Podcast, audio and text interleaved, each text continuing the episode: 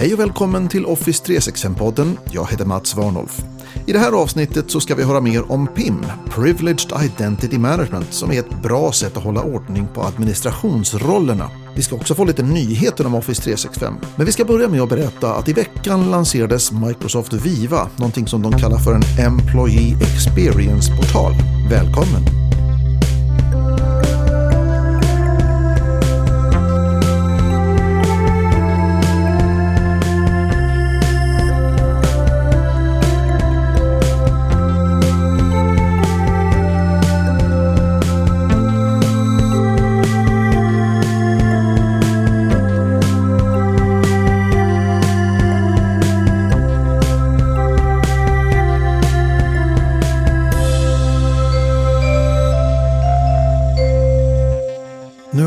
Ett helt år med covid. Hur mycket är inte annorlunda sedan december 2019? Vi arbetar mer på distans än någonsin förut och kanske vill inte alla gå tillbaka till kontoren när vi väl kan. Microsoft har precis annonserat en grupp produkter under det gemensamma namnet Microsoft Viva. Och med det låter oss veta att de rustar för att göra det lättare både för organisationer och människorna som arbetar där att fortsätta jobba hemifrån och geografiskt utspritt. Vi befinner oss fortfarande i en global pandemi som påverkar mycket mer än hur vi arbetar. På alla områden har vi fått anpassa oss på ett väldigt påtagligt sätt. På många jobb kan man inte arbeta hemifrån och även där har saker varit tvungna att förändras praktiskt med barriärer, visir, handsprit och andningsmasker. För oss som jobbar hemma har digitala möten blivit vardagsmat. Vi arbetar ofta flexibelt och bryr oss om när på dygnet det passar oss att arbeta. För många har det varit en stressande resa och vi känner oss isolerade och ibland som det saknas mål och mening med arbetet. Zoom och Teams har verkligen slagit igenom under det senaste året och det är tydligt att våra digitala verktyg är viktiga för hur vi ska kunna arbeta åtminstone under resten av pandemin. Men när vi får valet att återgå till hur arbetslivet såg ut före covid så tycker jag fler och fler antyder att de inte vill ha det precis som förut. Flexibiliteten har gett anställda större frihet och större ansvar. Allt var inte bättre före covid-19. Vilka vinster har vi med den här flexibiliteten? Vi är losskopplade från geografiska begränsningar. När man helst inte ska arbeta på ett gemensamt kontor så kan vi plötsligt söka jobb på ett friare sätt. Jag arbetar hemifrån och det spelar ingen roll att företaget ligger i en annan del av landet. Och vi som arbetsgivare får ett större urval av kompetenta personer att välja ifrån. Den flexibla arbetstiden gör oss också friare att arbeta när vi jobbar som bäst. Ibland handlar det om när vi kan arbeta ostört och ibland när vi som bäst är stimulerade och kreativa. Många av oss kommer sannolikt att arbeta på företagets kontor ibland och hemifrån ibland. En del av oss vill ogärna återvända till kontorslandskap, bilköer och snabbluncher. Samtidigt saknar vi sammanhanget som en gemensam arbetsplats kan ge. Om nu många vill arbeta hemifrån även efter pandemin så skapar det utmaningar för både våra företag och för oss som människor. Det finns saker som är svåra att göra när arbetslagen är utspridda. Till att börja med så är kopplingarna lösare, som sagt. Vi som anställda har en lösare koppling till arbetet, organisationerna får en lösare koppling till de anställda och det ställer annorlunda krav jämfört med innan. Våra arbetsprocesser måste nu inte bara tillåta utan anpassas till att dra fördel av att människorna i processen kanske inte är på ett centralt kontor och kanske inte mellan 9 och 5. Verktygen som vi använder i processen måste vara tillgängliga där människorna befinner sig. Processerna måste göras digitalt tillförlitliga eftersom det är svårt att övergå till att använda papper när man distansarbetar. Våra äldre system måste anpassas eller bytas för att göra det möjligt att utföra alla arbetsuppgifter på en annan plats. Åtkomsten till systemen måste göras så att det är enkelt för en behörig person att arbeta och närt omöjligt för en illasinnad aktör att komma åt något. Och det är inte omöjligt att lyckas med. Men det är inte det enda problemet vi måste brottas med. Hur behåller vi nyckelpersoner på företaget när geografisk närhet spelar en nästan obetydlig roll? Det finns såklart inget enkelt svar på den frågan, men jag tror att en av nycklarna är att vara en så strulfri arbetsgivare som man kan vara. Och det ställer krav på arbetsledande chefer. Bra verktyg att arbeta med är också bra. Om jag ska sitta mycket i möten så behöver jag som medarbetare bra lokal mötesteknik i form av kameror, headset eller liknande. Jag vill kanske ha möjlighet att välja själv eller få hjälp att välja. Men lägsta nivån på utrustningen måste hur som helst hålla hög klass. Hur får vi en känsla av samhörighet? Hur kommunicerar vi med varandra? Hur sätter vi våra mål så vi alla kan stå bakom dem? Ja, vi samlas ju inte längre i fikarummen flera gånger om dagen och de sociala strukturerna är viktiga. Mycket problemlösning sker på rasterna.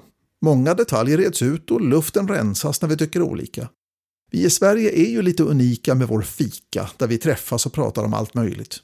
Vi måste ersätta våra fikasamtal. Jag har hört om ett företag som har gemensamma morgonpromenader i början på dagen för att hjälpa både människorna att komma ut utomhus och för att ha sociala samtal om ditten och datten. Promenaderna har promenadgrupper och man roterar grupperna varje vecka. Man kan också ha digitala fikamöten. Allt det här hänger naturligtvis på företagskulturen. Microsoft har ju sedan en tid en funktion som heter My Analytics och där får vi regelbundet mail som visar våra interaktioner med andra människor på företaget. Den här funktionen uppstår nu också som en app i Teams som heter Viva Insights. Människor är sociala varelser och vi mår sämre när vi rycks ifrån våra sammanhang. I en enkätundersökning uppger 70% att de mår sämre mentalt jämfört med tiden före social distansering och arbete hemifrån. 40% uppger att de har problem med depressioner och har sömnbesvär. Ingen app i världen kan lösa den här problematiken. Men vi kan diagnostisera saker i arbetet som bidrar till problemet. Viva Insights kan precis som My Analytics hjälpa oss att förstå hur vi arbetar. Hur ser arbetsdagarna ut? Äter möten upp all tid jag behöver för att producera det som jag behöver producera? Håller jag kontakten med mina arbetskamrater? Får jag tid för mitt eget liv eller tvingas jag jobba övertid för att klara mina mål? Ja, tillför den här informationen något? Ja, inte automatiskt. Men kanske om jag upplever arbetet som ett problem men har svårt att hitta var det gnisslar någonstans. Och ifall jag är beredd att göra en förändring när jag förstår vad som är problemet. Organisationen i sig har ju tillgång till vad jag brukar kalla för My Analytics stora syster, Workplace Analytics. Med den funktionen har arbetsledande chefer och HR tillgång till statistisk information och analys runt arbetsmönster och trender i hur människorna i våra organisationer arbetar. Workplace Analytics licensieras separat, men om du har den licensen så hittar du även datat och insikterna i Viva Insights. Microsoft verkar tycka att mindfulness och meditation är ett viktigt verktyg för att hjälpa människor att hantera stress och isolering. Jag mediterar regelbundet själv och jag kan vittna om att det faktiskt hjälper till en del. Men trots att yoga, mindfulness och meditation är oerhört trendigt så är det knappast något mirakelmedel som hjälper mot stress, skörbjugg och skavsår. Microsoft har skrivit avtal med Headspace, ett brittiskt företag som säljer meditationsappar för att det ska bli tillgängligt i Teams. Vad som faktiskt kommer att erbjudas, det vet jag inte. Och vad det kommer att kosta, det får vi också se. Nu låter jag kanske negativ och det är jag faktiskt inte. Det är bra att meditera. Men kanske ska du inte sitta framför datorn när du gör det. Viva Insights utan meditationsapp är den enda Viva-funktionen som finns tillgänglig i Teams redan idag, medan de andra delarna är på gång senare under året. För att känna oss delaktiga måste vi också känna att vi är insatta i vad som händer på företaget. Våra organisationer blir allt mer transparenta med sina beslut och ageranden och det är jättebra. Jan Karlsson, den gamla vdn på SAS, lär ha sagt att en person som inte får information kan inte ta ansvar. En person som får information kan inte låta bli att ta ansvar. Men det väcker ju i sig en massa frågor. Hur sprider vi information på ett bra sätt? Vi har så många kanaler idag och så mycket information. Problemet ligger ofta i att vi är dåliga på att hantera det informationsbruset. När superrelevant och ointressant information ser likadan ut har vi svårt att filtrera och slutar ofta att läsa informationen. Vi behöver hjälp. Vi behöver se till att informationen är tillgänglig för alla, men att den som mest behöver informationen inte missar den. Här kommer Microsoft Viva Connections in. Den aggregerar relevanta nyheter, konversationer och information från organisationens olika applikationer till ett och samma ställe. För att hjälpa till med att visa den mest relevanta informationen för varje människa behöver vi använda publikanpassning och det gör vi med vanliga grupper i Azure AD. Viva Connections dyker upp som en app i Teams och det är ju ofta där som vi är när vi jobbar. Ett annat bekymmer vi har är kompetensutveckling. För många organisationer är effektivitet och produktivitet direkt kopplat till människornas kunskaper och färdigheter. Man brukar säga att kompetensutveckling är som att simma mot strömmen. Att inte sträva framåt är att glida bakåt. Men hur kompetensutvecklar vi i en spridd organisation? Ja, idag finns det som tur är många leverantörer av distansundervisning och e-learning, så i teorin är problemet lätt att lösa. Men i verkligheten behöver jag nog kunna göra mer än att köpa kurser online. Jag behöver kunna sätta kompetensmål, följa människorna i deras utveckling och se till att det är lätt för var och en att komma åt utbildningen. Även här har Microsoft stora planer. Idag finns Viva Learning bara i en privat förhandsversion där man måste bli speciellt inbjuden för att kunna testa och använda den. Men snart kommer den som en app i Teams där vi får en portal integrerat med ett antal utbildningsleverantörer i Viva Learning. Förutom Microsofts egna kurser finns kopplingar mot LinkedIn Learning, Coursera, Pluralsight, Skillsoft och edX. Ditt företag kan naturligtvis lägga upp sina egna utbildningar om ni har sådana. För att kunna hantera sånt som målsättningar och uppföljningar så behöver man ha ett LMS, ett Learning Management System. Och idag finns det kopplingar mot Cornerstone On Demand, Saba och SAP Success Factors.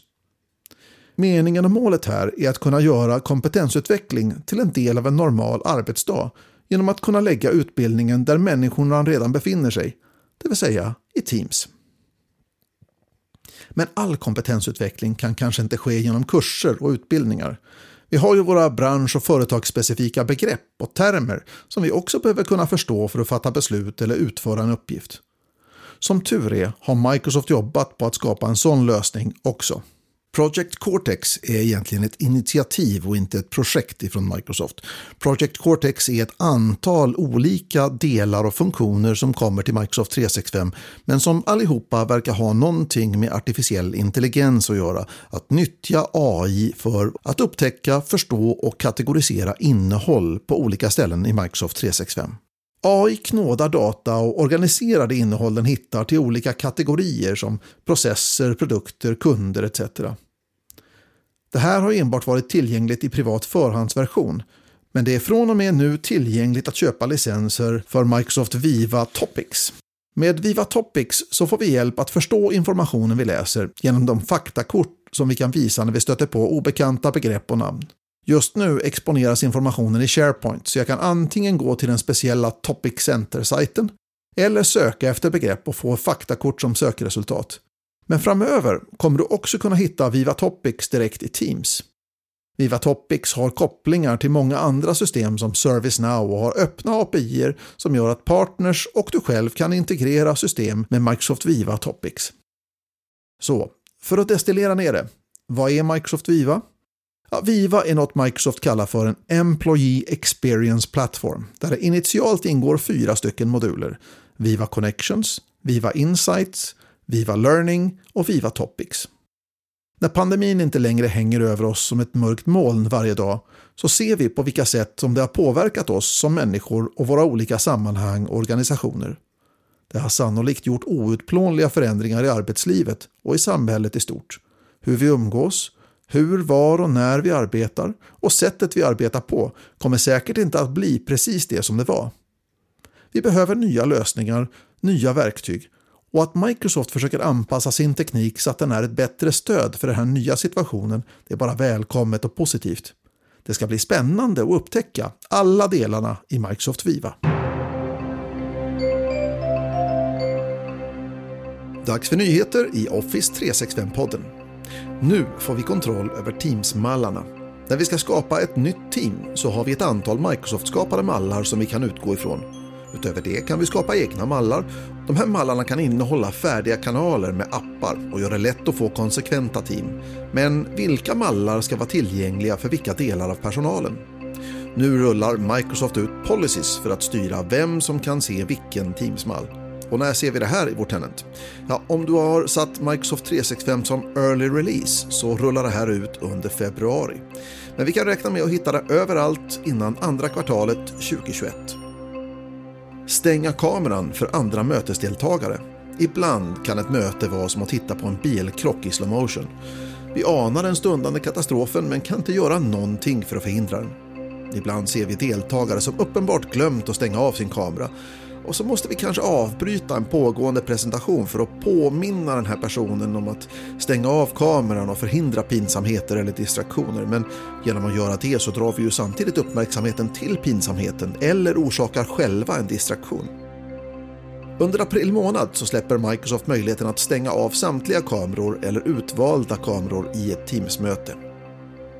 Snart kan vi dela filer direkt i Teams-klienten det händer ju ibland att vi vill dela ett dokument ifrån Teams till någon som inte är medlem i teamet. Men det kräver ju att vi besöker SharePoint eller OneDrive där filen är lagrad och delar den därifrån. Det är inte så svårt, men det är några extra moment vilket gör det svårt för nybörjare och krångligt även för mer erfarna Teams-användare. Men nu är det slut med det. Under februari så får vi möjligheten att dela filen direkt ifrån Teams.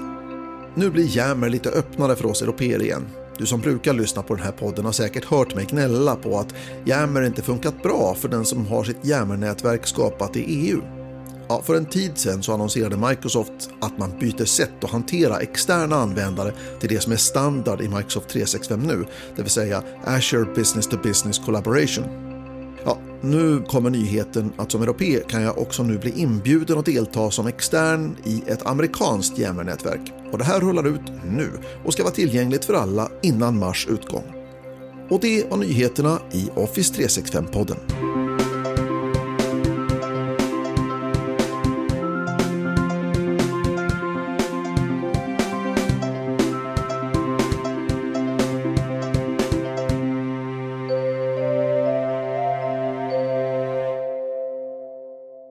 Stående access är någonting vi är vana vid i många system. Stående access betyder att vi alltid har åtkomst till det vi har åtkomst till. Och det är bra om det handlar om dina dokument, men dåligt när det gäller administrationsgränssnitt och liknande. Ju lättare det är att göra något, desto lättare är det att råka göra det eller att luras att göra det. Vi behöver hjälp av systemet själv för att begränsa riskerna med att vi administratörer har större befogenheter än vanliga användare. Och det finns ett sådant system om din organisation har licenser för Azure AD Premium P2. Men hur fungerar det? Ja, det finns två sätt att ha en administrationsroll i Azure AD och därmed i Microsoft 365. Du kan ha rollen tilldelad eller du kan ha rollen tillgänglig. Tänk dig att du är den som administrerar Teams på ditt företag. När du har Teams-admin-rollen tilldelad är du alltid Teams-administratör när du är inloggad du kan alltid byta namn på Teams eller radera Teams eller vad du vill. Du är ju Teams-admin. Dina superkrafter som administratör är alltid påkopplade. Det här kallas för stående behörighet och det är i grund och botten riskabelt. Stående behörighet innebär risk för att man av misstag ska råka ställa till det. Men även att om en hacker får tillgång till ditt konto så kan hacken verkligen orsaka problem. Därför har man under långa tider rekommenderat att du som administratör ska ha två olika konton. Ett där du är vanlig användare och ett där du alltid är administratör. Det finns ett alternativ till den här dubbelkontomodellen och den heter PIM, Privileged Identity Management och är egentligen inget Microsoft-specifikt i sig. Den här funktionen finns i en hel del andra system också. PIM i Microsoft 365 är en funktion som finns där när man har licenser för Azure AD Premium P2.